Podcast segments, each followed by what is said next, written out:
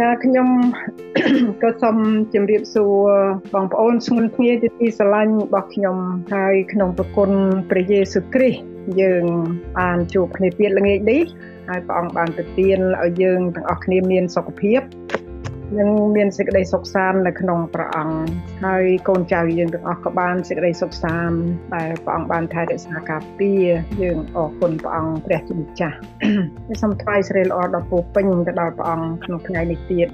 ខ្ញុំថ្ងៃនេះអឺខ្ញុំយកមេរៀនមួយមករៀនជាមួយគ្នា មានចំណងជើងថាទ្រង់បានស្វែងរកខ្ញុំយើងរៀនពីការដែលព្រះអង្គទ្រង់មករកយើង ហើយមុននឹងខ្ញុំចាប់ផ្ដើមសូមបងប្អូន បានសម្រួមចិត្តអធិដ្ឋានសូមប្រាជ្ញាព្រះជាមួយនឹងខ្ញុំព្រះបបិតាដែលទ្រង់គង់នៅឋានសួគ៌ដ៏ខ្ពស់ហើយកូនទាំងអស់គ្នាចូលមកក្នុងល្ងាចនេះអរគុណព្រះអង្គថ្វាយសិរីល្អដល់ព្រះអង្គដោយបានទទួលសេចក្តីសុខសាន្តពីទ្រង់គ្រប់ពេលវេលានិងកូនចៅយើងខ្ញុំគ្រប់ទីកន្លែងក៏បានទទួលសេចក្តីសុខសាន្តពីព្រះអង្គ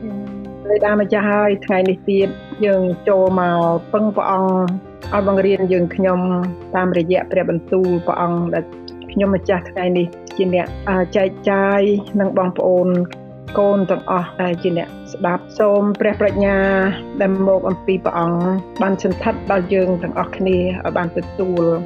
នៅប្រាជ្ញាដែលយល់ដឹងព្រះអង្គម្ចាស់ក៏សូមយាងព្រះអង្គគង់នៅកណ្ដាលពួកយើងខ្ញុំបង្រៀនយើងខ្ញុំហើយយើងខ្ញុំបានយល់អំពីព្រះបន្ទូលទ្រង់ក្នុងល្ងាចនេះ កូនអរប្រគុណព្រះអង្គខ្លាំងណាស់នឹង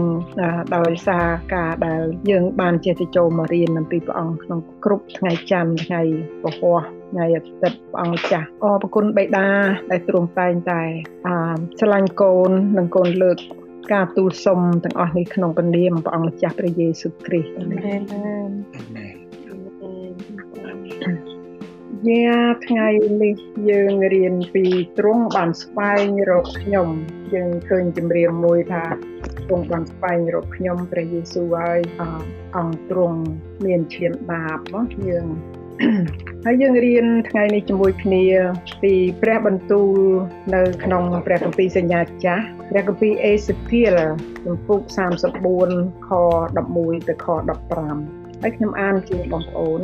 ឲ្យដឹងថាព្រះទ្រង់រយយើងមែនត្បិតព្រះអង្គម្ចាស់យេហូវ៉ាមានបន្ទូលដូចនេះថាមើលអញគឺអញនេះហើយនឹង ស្វែងរកជាមរបស់អញទាំងសើបសួររកទាល់តែឃើញផងឯអ្នកកងវិលគេតែងមើលវងជាមខ្លួន នៅថ្ងៃដែលគេនៅជាមួយនឹងវងជាមដែលខ្ចាត់ខ្ចាយយ៉ាងណានោះអញនឹងថែមើលវងជាមរបស់អញហើយជួយវាឲ្យរួចចេញពីគ្រប់កន្លែងដែលវាត្រូវកម្ចាត់កម្ចាយនោះនៅថ្ងៃដែលមេឃមីស្រទុំហើយងងឹតយ៉ាងនោះដែរ អញនឹងនាំវារាល់គ្នាចេញពីសាសទាំងប៉ុន្មានហើយប្រមូលវាពីគ្រប់ទាំងស្រុករួចនឹងនាំចូលទៅក្នុងស្រុករបស់វាវិញអញនឹងខ្វៀលវានៅលើភ្នំនៃស្រុកអ៊ីស្រាអែលហើយតាមផ្លូវទឹកនឹងនៅគ្រប់ទីកន្លែងដែលមានមនុស្សនៅក្នុងស្រុកនោះផងអញនឹងខ្វៀលវានៅទីវាល្អហើយក្រោលវានឹងនៅលើភ្នំខ្ពស់ខ្ពស់នៃស្រុកអ៊ីស្រាអែល នៅទីនោះវានឹងដេកចុះនៅក្រៅយ៉ាងល្អហើយនឹងរកស៊ីនៅវាលដ៏ល្អនៅលើអស់ទាំងភ្នំនៃស្រុកអ៊ីស្រាអែលដែរខ្លួនអញនឹងធ្វើជាអ្នកកំវាលដល់វងជៀមរបស់អញហើយអញនឹងឲ្យវាដេកនៅ នេះជាព្រះបន្ទូលនៃព្រះអង្គម្ចាស់ព្រះយេហូវ៉ា ទ្រង់រកយើងនៅពេលអេសេគៀលមិនអេសេគៀលមុខបានអេសេគៀល34 34ចាចំពុក11ទៅខខ11ទៅដល់ខ15ចំពុក35ថាម៉េចស្ដាប់បានស្ដាប់អត់ណាជាស្ដាប់អត់មកបានអេសេគៀល34ណាមីងខ11ទៅដល់ខ15តាម34 ខ11ដល់15ចាលឺលឺខ្ញុំមកបងប្អូនលឺខ្ញុំទាំងអស់ដែរលឺចាលឺបងអូខេអូខេបងប្អូនចាលឺច្បាស់យើងយើងឃើញព្រះបន្ទូលខាងលើហ្នឹងយើងប្រៀបធៀបមកយើងនេះជារឿងខ្ញុំហើយនឹងរឿងបងប្អូនទាំងអស់គ្នាព្រះបានស្វែងរកខ្ញុំហើយព្រះបានស្វែងរកបងប្អូន មិនមែនខ្ញុំនិងបងប្អូនបានស្វែងរកព្រះទេ គឺព្រះអង្គស្វែងរកជាមទាំងសើបសួរតលឃើញព្រោះបានជាខ្ញុំថាយើងមិនដែលបានស្វែងរកព្រះទេនោះព្រោះខ្ញុំបេសទៅលើព្រះបន្ទូលរ៉ូមចំពុក3ខ16បានប្រាប់យើងថាគ្មានអ្នកណាដែលយល់គ្មានអ្នកណាស្វែងរកព្រះហើយនៅក្នុងទំនុកដំកើងចំពុក14ខ2ទៅខ3ប្រាប់យើងថា ព្រះបានតតមើលពីឋានសួគ៌ចំពោះពួកកូនមនុស្សដើម្បីឲ្យបានជ្រាបថា មានអ្នកណាខ្លះដែលមានគំនិតស្វែងរកព្រះឬទេ តែគ្រប់គ្នាវង្វេងចេញ បានត្រឡប់ទៅជាស្មោកគ្រោកទាំងអស់មានអ្នកណាមួយដែលប្រព្រឹត្តល្អឡើយសូម្បីតែមួយក៏គ្មានផង នេះព្រះបន្ទូលរបស់អង្គព្រះខកពីមានច្រើនទៀតបញ្ជាក់អំពីមនុស្សគ្មានគំនិតនិងស្វែងរកព្រះទេហើយសម្រាប់ជនជាតិខ្មែរយើងរឿងដែលកើតឡើងជំនាន់ប៉ុលពតបងប្អូនមិនមែនជារឿងចៃដន្យគឺជារឿងរបស់ព្រះទាំងអស់គឺព្រះទ្រង់បានស្វែងរកខ្ញុំនិងស្វែងរកបងប្អូនទើបបានទ្រង់បន្សល់យើងនិងកូនចៅយើងទុកសម្រាប់ទទួលសេចក្តីសង្គ្រោះនេះ ដូច្នេះហើយអ្នកណាដែលមិនទាន់បានទទួលសេចក្តីសង្គ្រោះនោះគេមិនទាន់យល់អំពីព្រះគុណបរិបូររបស់ព្រះអង្គហើយព្រះអង្គនាំយើង មកនៅស្រុកអ៊ីស្រាអែលដោយព្រះបន្ទូលខាងលើដែលយើងនិយាយព្រះអង្គដើររយើងគ្រប់កន្លែងហើយនាំយើងឲ្យបានមកនៅស្រុកអ៊ីស្រាអែលដែលជារបស់ផងទ្រង់ឲ្យយើងនៅលើឲ្យកន្លែងដេកយើងនៅលើទួលភ្នំដែលជារបស់ផងព្រះអង្គបានរៀបចំហើយតាមផ្លូវទឹកនិងគ្រប់កន្លែងដែលមានមនុស្សនៅហើយខ្វៀលយើងនៅទីវាលល្អហើយក្រោលយើងនៅ ទីខ្ពស់នៃស្រុកអ៊ីស្រាអែលបានន័យថាគឺជាទីដីសន្យារបស់ព្រះដែលប្រទានមកឲ្យយើង នៅសហរដ្ឋអាមេរិកនេះដែលជាទីដីសន្យារបស់ព្រះអង្គបានប្រទានឲ្យយើងយើងមិននៅសុខស្រួលបរិបូរណ៍ជាទីដីសន្យារបស់យើងមួយកន្លែងព្រះគម្ពីរលូកាចំពុក14ខ10ព្រះយេស៊ូវមានបន្ទូលថាល្បិតកូនមនុស្សបានមកដើម្បីនឹង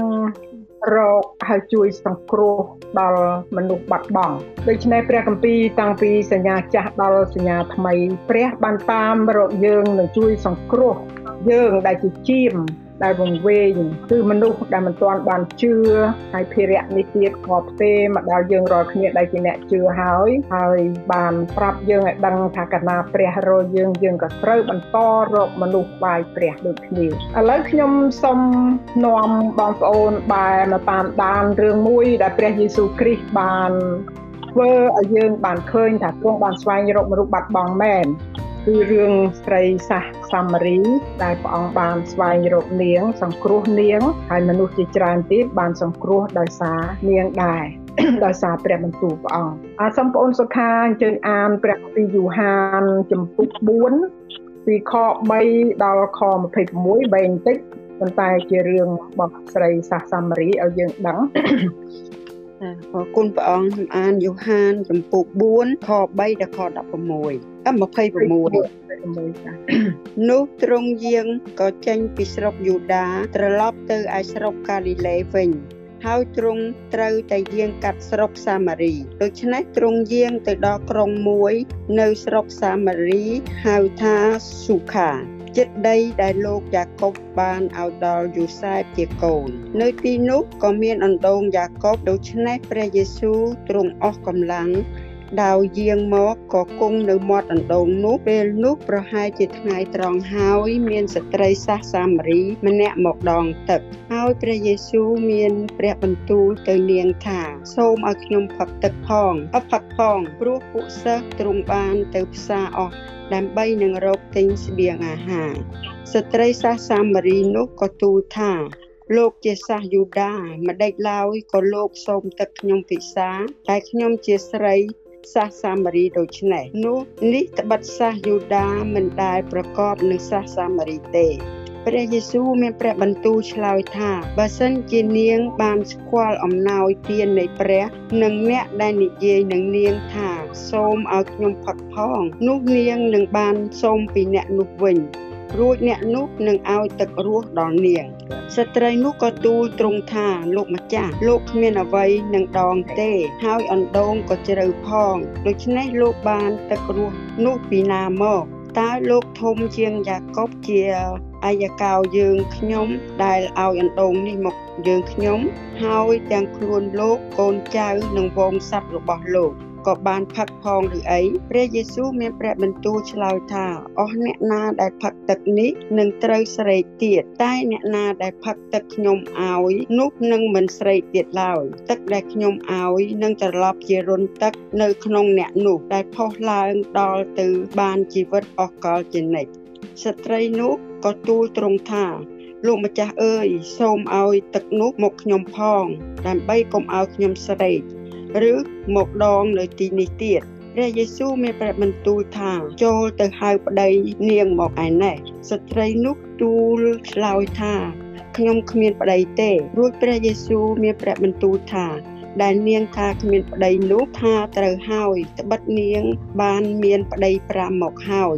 ឯអ្នកដែលនៅជាមួយសប្ថ្ងៃនេះមិនមែនជាប្តីនាងទេ ពាក្យនោះនាងនិយាយត្រូវប្រកបស្ត្រីនោះទូលត្រង់ថា លោកម្ចាស់អើយខ្ញុំយល់ឃើញថា លោកជាហោរាឯពួកអាយកោយើងខ្ញុំបានថ្វាយបង្គំនៅលើភ្នំនេះ តែពួកលោកថាក្រុងយេរូសាឡិមជាកន្លែង ដែលត្រូវថ្វាយបង្គំវិញព្រះយេស៊ូវមានព្រះបន្ទូលថានាងស្រីអើយចូលជឿខ្ញុំថានឹងមានពេលវេលាមក ដែលអ្នករាល់គ្នានឹងមិនថ្វាយបង្គំព្រះវរបិតានៅលើភ្នំនេះឬនៅក្រុងយេរូសាឡិមទេ អ្នករាល់គ្នាមិនត្រូវជាខ្លួនថ្វាយបង្គំអ្វីទេដែលឯយើងវិញយើងស្គាល់ព្រះដែលយើងថ្វាយបង្គំ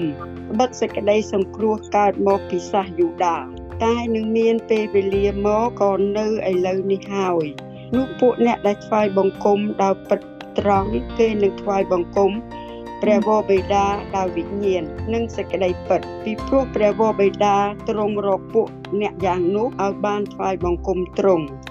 ឯព្រះទ្រង់ជាវិញ្ញាណហើយអ្នកណាដែលថ្វាយបង្គំទ្រង់នោះត្រូវតែថ្វាយបង្គំដោយវិញ្ញាណនិងសេចក្តីពិតដែរស្ត្រីនោះទូលទ្រង់ថាខ្ញុំដឹងហើយថាព្រះមេស៊ីដែលហៅជាព្រះគ្រីស្ទទ្រង់នឹងជាងមក កាលណាមកហើយនោះទ្រង់នឹងប្រាប់ឲ្យយើងខ្ញុំដឹងគ្រប់ ទាំងអស់ព្រះយេស៊ូវមានព្រះបន្ទូលថានោះគឺខ្ញុំនេះហើយដែលនិយាយនឹងនាងអេមែនមែនព្រះអង្គប្រាប់មកត្រង់នឹងហើយជាយើងអានវែងបន្តិចប៉ុន្តែយើងដឹងរឿងព្រះយេស៊ូវគ្រីស្ទបានយាងចេញពីស្រុកយូដាពីទីក្រុងយេរូសាឡិមមកត្រឡប់ទៅកាលីលេវិញតាមធម្មតាជនជាតិយូដា នៅពួកជូដែលយើងថាពួកជូអឺមិនដើរកាត់ស្រុកសាមារីជាដាច់ខាតព្រោះយូដាស្អប់សាសសាមារីណាស់ស្អប់ទាំងមនុស្សហើយស្អប់ទាំងស្រុកទោះជាគេដើរកាត់នឹងឆាប់ក៏ដោយគេសុកចិត្តដើរវៀងទៅខាងលើណាមិនឲ្យជន់កាត់ស្រុកសាមារីទេ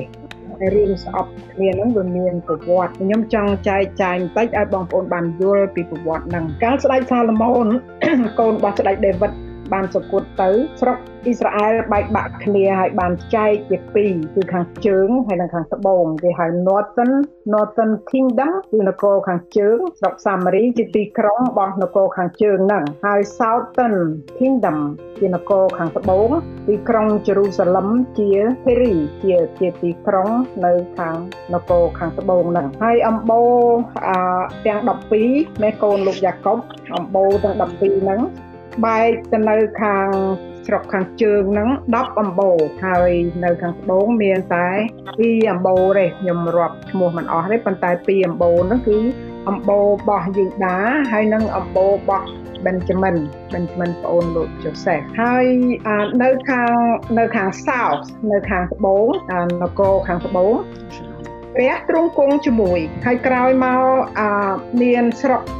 អាសេរីអាសេរីអាសេរីឬអង់គ្លេសចាជាជនជាតិដែលស្អប់ព្រះយេហូវ៉ាហើយវាដៀលថ្មេះព្រះមកដល់ស្រុកខាងជើងនឹងដៀលថាជឿអីព្រះដោយព្រះមិនមានប្រយោជន៍អីអីចឹងមកដៀលដែលអ្នកខាងជើងហ្នឹងអ្នកខាងត្បូងហ្នឹងខឹងនឹងពួកអាសេរីយ៉ាណាស់ព្រោះ គេអត់ជឿព្រះដែលពួកពួកខាងត្បូងនឹងគេជឿដូច្នេះហើយពេលមួយស្រុកកាសេរីហ្នឹងបានវាយយកនគរខាងជើងហ្នឹងបានទៅដល់បានទៅវាបំពល់ពួកខាងជើងនោះឲ្យជឿព្រះបាល់គេទាំងអស់គ្នាទៅរួមជឿព្រះ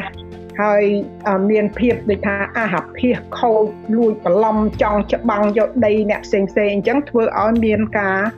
ស្អប់ ពីជនជាតិរបស់ព្រះពីជនជាតិនៅខាងស្រុកខាងត្បូងអញ្ចឹងហើយបានជាគេស្អប់គេថាដូចគេហៅថាស្អប់ដូចឆ្កែឬក៏ស្អប់ដូចជាកូនកាត់នៃជាតិអាក្រក់ហ្នឹងហើយជាអញ្ចឹងបានយើងឃើញថាហេតុអីបានជាពួកយូដាហ្នឹងស្អប់ខ្លាំងម៉េចពួកជូហ្នឹង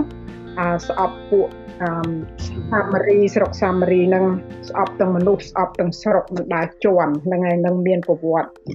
ហើយពួកយូដាហ្នឹងក៏គ្មានអឺមិនជន់ហើយទាំងគេមិនទាំងឲ្យពួកសាមារីហ្នឹងមកថ្វាយអង្គមនៅទីក្រុងជេរូសាឡឹមទេ គេកាត់មិនឲ្យមានឆ្លងឆ្លើយពួកក៏ដូចកាត់ពូជនឹងចេញណាអំបូរទាំង10ហ្នឹងគេកាត់ចេញហ្នឹងហើយប៉ុន្តែប៉ុន្តែព្រះវិញទោះបីមនុស្សស្អប់យូដា ជនជាតិជូនឹងស្អប់ពួកសាមារីយ៉ាងណាប៉ុន្តែព្រះយេស៊ូវទ្រង់បាននឹកចាំពីគេប្រគេសិតតែតែមនុស្សមានបាបហើយព្រះអង្គមានបំណងនឹងសង្គ្រោះមនុស្សនឹងទៅរកស្រីស្រុកសាមារីនឹងឲ្យបានសង្គ្រោះព្រះអង្គមាន plan ទៅសង្គ្រោះមនុស្សដូច្នេះព្រះយេស៊ូវបាននាំពួកសិស្សដើរឆ្លងកាត់ចំពាក់កដាលស្រុកសាមារីនឹងអត់វៀងដោយពួកយូដាទេហើយទៅដល់ស្រុកគេហៅស្រុកស៊ូខា នៅចិត្តដីលោកយ៉ាកុបដែលឲ្យទៅកូនឲ្យលោកជូសេហ្វហ្នឹងកន្លែងនោះមានដងហៅថាដងយ៉ាកុបហើយដោយទ្រង់មានគោលបំណងសង្គ្រោះស្រីសាសាមារីហ្នឹងហើយនៅកន្លែងនោះ អឺដងយុគយ៉ាកុបហ្នឹងគេម្ដងទឹកគ្រប់តែគ្នាប៉ុន្តែស្រីម្នាក់នឹងដោយសារគាត់មានឈ្មោះមិនល្អនៅក្នុងសង្គមមនុស្សនៅខាងស្រុកនោះព្រោះគាត់មានប្តី5ហើយនៅក្នុងកលៈពេលគាត់នៅជាមួយនោះក៏មិនមែនជាប្តីរបស់គាត់ដូច្នេះហើយគាត់ពេលទៅដងទឹក អឺនោះគាត់ទៅរកតែពេលណាដែលស្ងាត់ដូចជាថ្ងៃកំពុងត្រង់ដែលមនុស្សគេមិនមកគេចាំល្ងាចថ្ងៃអាសៀលបានគេមកគាត់នឹងយកពេលហ្នឹងឲ្យមកចន្លោះហ្នឹងដើម្បីអឺដើម្បីដងទឹកកុំឲ្យគេឃើញព្រះយេស៊ូវទ្រង់មកដល់កន្លែងហ្នឹងអាល្មមឲ្យព្រះអង្គអស់កម្លាំងហើយនឹងពួកសាពួកសិស្សបានទៅទិញមកហូបអឺយកមកថ្វាយព្រះអង្គយើងឃើញនៅក្នុងកន្លែងហ្នឹងយើងឃើញថា ព្រះអង្គសម្រាប់នៅមាត់ដងដោយទ្រង់អស់កម្លាំងដូច្នេះអស់កម្លាំងហើយនឹងឃ្លានហ្នឹងជាភាពមនុស្សដូច្នេះព្រះអង្គជាព្រះ100%ហើយព្រះអង្គក៏ជាមនុស្ស100%ហើយស្ត្រីសាសសាមារីនឹងមកដងទឹកព្រះអង្គបានឃើញទ្រង់ក៏បង្កើតជា conversation បង្កើតជាការទំនាក់ទំនងឲ្យបានតាក់ទងជាមួយស្រីនឹងហើយធ្វើនឹងតាមពិតនឹងខុសពួកបរោះដែលនៅស្រុកយូដា គ្មានអំណាចណាទៅនិយាយជាមួយស្រីនៅកន្លែងដែលបើកចំហទេព្រោះអាសាសយូដាប្រុសសំបីតាប្រពន្ធខ្លួនឯងហ្នឹងនៅ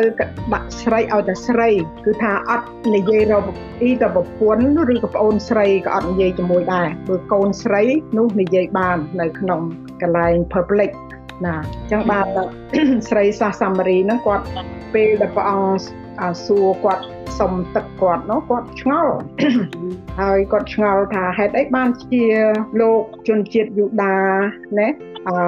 ជាប្រុសហើយមកនិយាយជាមួយស្រីនៅទីប្រជុំទួនហើយបានណាព្រះអង្គថាសូមឲ្យខ្ញុំផឹកផង Give me a drink ហើយបានស្រីនៅប្រាប់ថាលោកជាជនជាតិយូដាម្ដេចក៏លោកសុំទឹកខ្ញុំពិសាដែលខ្ញុំជាស្រីសាសសាមារីដូចនេះណាហើយព្រះអង្គទ្រង់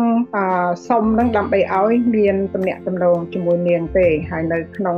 ខ10 ណែព្រះយេស៊ូវមានបន្ទូលឆ្លើយថាបើសិនជានាងបានស្គាល់អំណោយទាននៃព្រះនិងអ្នកដែលនិយាយនឹងនាងថាសុំឲ្យខ្ញុំផឹកផងនោះនាងនឹងបានសុំពីអ្នកនោះវិញរួចអ្នកនោះនឹងឲ្យទឹករស់ដល់នាង ហើយនាងឆ្លើយថាលោកម្ចាស់ឲ្យលោកគ្មានអ្វីនឹងដងទេហើយដងក៏ជ្រៅផងដូច្នេះលោកបានទឹករស់អីនោះមកពីណាហើយ នាងថាតើលោកធំជាង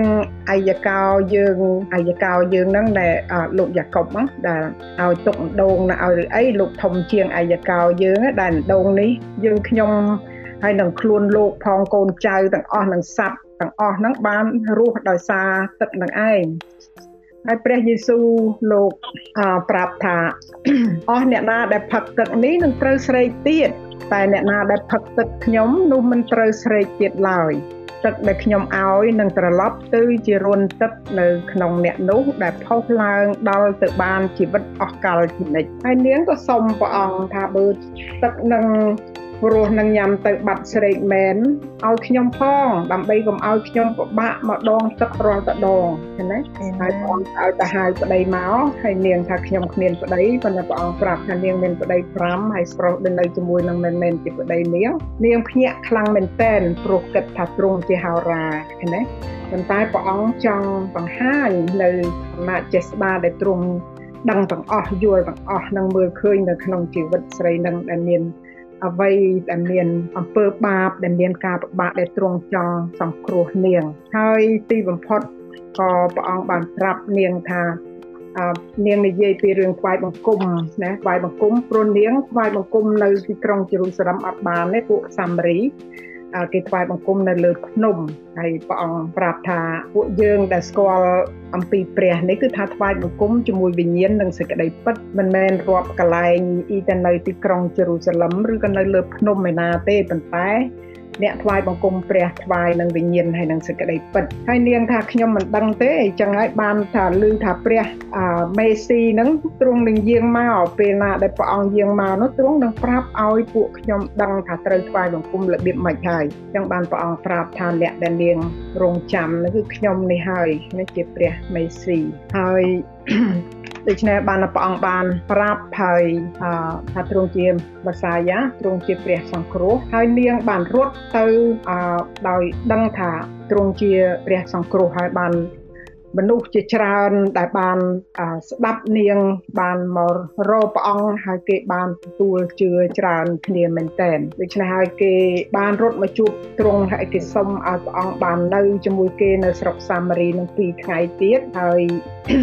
ក្រោយមកគេបានប្រាប់នាងថាខ្ញុំជឿហើយទទួលជឿដោយសារលឺនាងប៉ុន្តែលើសទៅទៀតនោះគឺយើងជឿដោយសារបានឃើញព្រះអង្គទ្រង់ហើយដោយសារព្រះបន្ទូលដែលទ្រង់បានប្រាប់គេអំពីសេចក្តីសង្គ្រោះ ហើយគេគេប្រាប់ថាគេជឿគេជឿហើយគេបានលឺទ្រង់ផ្ទាល់ខ្លួនគេទៀតដូច្នេះព្រះយេស៊ូវទ្រង់បានស្វែងរកមនុស្សដែលគេស្អប់ស្រុកដែលគេមិនចង់ជន់ដោយសារគេគិតថាជាស្រុកមានបាបជាមនុស្សមានបាបប៉ុន្តែព្រះដែលទ្រង់ស្រឡាញ់យើងដល់ម្លេះទ្រង់បានឆ្លងកាត់ស្រុកដែលមានបាបនឹងហើយស្ត្រីដែលអ្នកស្រុកមិនរាប់រក ព្រោះនាងមានប្តី5ហើយនឹងឲ្យពិបាកត្រង់មានការរអិលដួលច្រើនដងទៅក្នុងពួកអ្នកស្រុកក៏គេមិនរាប់រកតែប្រណេតព្រះអង្គវិញទ្រង់តតមើលមកមនុស្សខុសពីភ្នែកមនុស្ស អេមែនថាអ្វីដែលលាក់កំបាំងនឹងព្រះនៅក្នុងជីវិតយើងទេសពថ្ងៃទោះបីយើងហើយក៏គ្មានបាបណាដែលព្រះមិនសង្គ្រោះឲ្យបានដែរព្រោះជាព្រះរាជហឫទ័យរបស់ព្រះដែលអត់ទោសឲ្យមនុស្សទាំងអស់អ្នកណាដែលជឿដល់ទ្រង់នោះនឹងបានរាប់ជាអ្នកសុចរិតហើយជាកូនរបស់ផងព្រះអង្គទ្រង់មិនបានប្រកាន់នៅទំនៀមទម្លាប់ថាអឺនិយាយរកស្រីមិនបាននៅកន្លែង public ហើយទម្លាប់យ៉ាងណាហើយទ្រង់ប្រកាន់ពូជសាសថាសាសនេះសាសនោះឬពណ៌សម្បុរឡើយគឺថាព្រះអង្គទ្រង់បានធ្វើជាស្ពានឲ្យស្ត្រីសាសសាមារីនិងជនជាតិសាមារីបានទទួលសេចក្តីសង្គ្រោះនិងជីវិតអស់កលជានិច្ចដោយគេបានទទួលជឿដល់ទ្រង់ប៉ុន្តែយើងបែរមកគិតនៅពួកអាចារ្យហ្វារីស៊ីនិងពួកអាចារ្យសាដូស៊ីនៅក្នុងទីក្រុងយេរូសាឡឹមវិញនៅខាងសោអឺដែល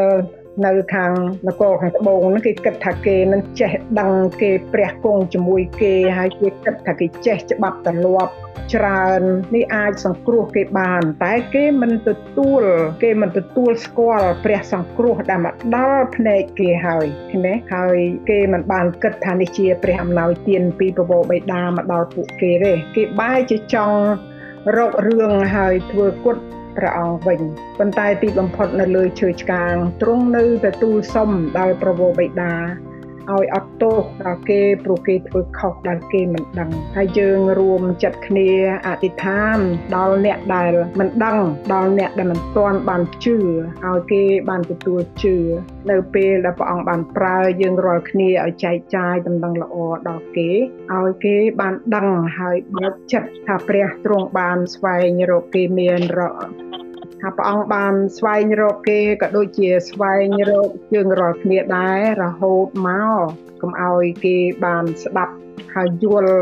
អឺឲ្យគេឲ្យគេស្ដាប់ហើយឲ្យគេស្ដាប់យើងឲ្យគេយល់ហើយនឹងទទួលអការស្វែងរករបស់ផងព្រះនឹងផងណាបងប្អូនខ្ញុំតាមមានតែប៉ុណ្្នឹងទេហើយខ្ញុំសូមព្រះអង្គប្រទានពរដល់ការដែលយើង ព្រះអង្គរកយើងឃើញដែលស្វែងរកយើងតតែឃើញហើយព្រះអង្គយកយើងមកលើកតម្កើងនៅទីកន្លែងទួលភ្នំដែលល្អមានកន្លែងគេងយ៉ាងល្អមានទឹកល្អស្មៅល្អដែលទ្រង់បានព្រៀងទុក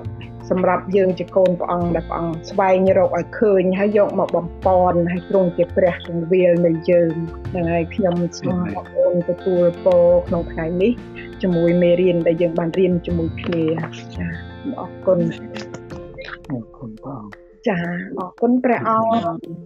ជំរាបសួរបងប្អូនហើយសូមជំរាបសួរបងប្អូនទាំងអស់គ្នាក្នុងដីផ្លង់នៃព្រះហ្នឹងហើយស្ដាប់រឿង ស្រីសាសាមារីខ្ញុំចង់ឲ្យបងប្អូនតង្វែដែលអារម្មណ៍មួយទៅនេះជារឿងមួយដែលល្អរឿងស្រីសាសាមារីហ្នឹងគឺជាបើនៅអាមេរិកគេថា it's the well known story about God's love ជារឿងដែលដែលល្បីហើយព្រះយេស៊ូវដែលបង្ហាញពីសេចក្តីស្រឡាញ់ដែលបង្ហាញពីសេចក្តីស្រឡាញ់ដល់យើងរាល់គ្នា ប៉ុន្តែរឿងមួយខ្ញុំចង់ឲ្យបងប្អូនដឹងដែរអំពីនៃសង្គ្រោះដល់យើងឃើញថាស្រីសាសសាមរីនឹងជាមនុស្សគេហៅថា outcast ដែលគ្មានណារាប់អានទេហើយជាមនុស្សដែលពេញទៅដោយអំពើបាបតែព្រះអង្គមកជួបណាព្រះអង្គស្វែងរក ដូចជា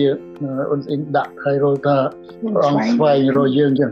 ឥឡូវមើលទៅម្នាក់ទៀតនៅក្នុងលោកយ៉ូហានបានសរសេររឿងពីរដែលនិយាយពីសេរីសង្គ្រោះបងប្អូនបើមើលទៅខមកចម្ពោះទៅយ៉ូហានចម្ពោះ3បងប្អូននៅក្នុងយ៉ូហានចម្ពោះ3ហ្នឹងមានរឿងមួយក៏អស្ចារ្យដែរគឺជាម្នាក់ដែលជា មេរបស់សាសនាយូដាឈ្មោះលោកនីកូដេមអូខេលោកនីកូដេមហ្នឹងគាត់ជាគ្រូជាអ្នកចេះជាអ្នកដែល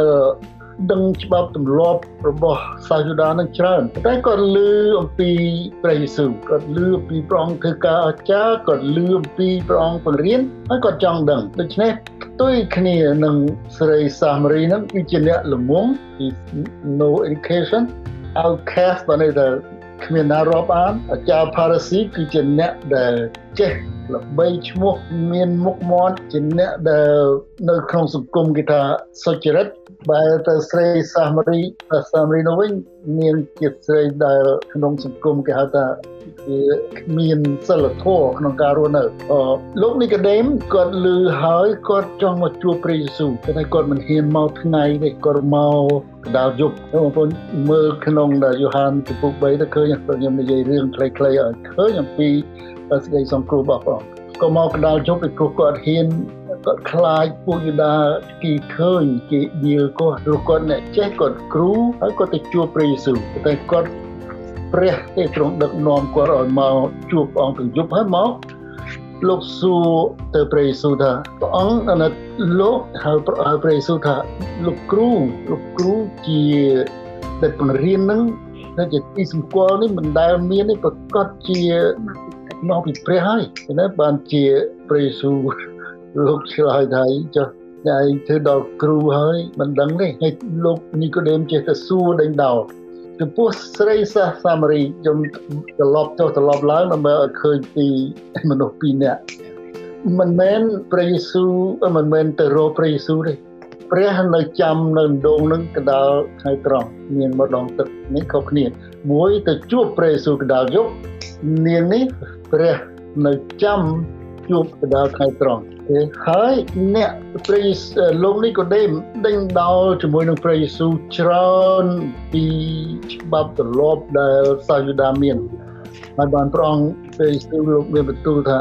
បើមិនកើតជាថ្មីនោះគ្មានណាអាចឃើញនគរព្រះទេនេះប្រកបមែននៅក្នុងជំពូកូហាន3ចំពោះ5ព្រះយេស៊ូវមានបន្ទូលថាខ្ញុំប្រាប់ជាប្រកាសថាបើមិនកើតជាថ្មី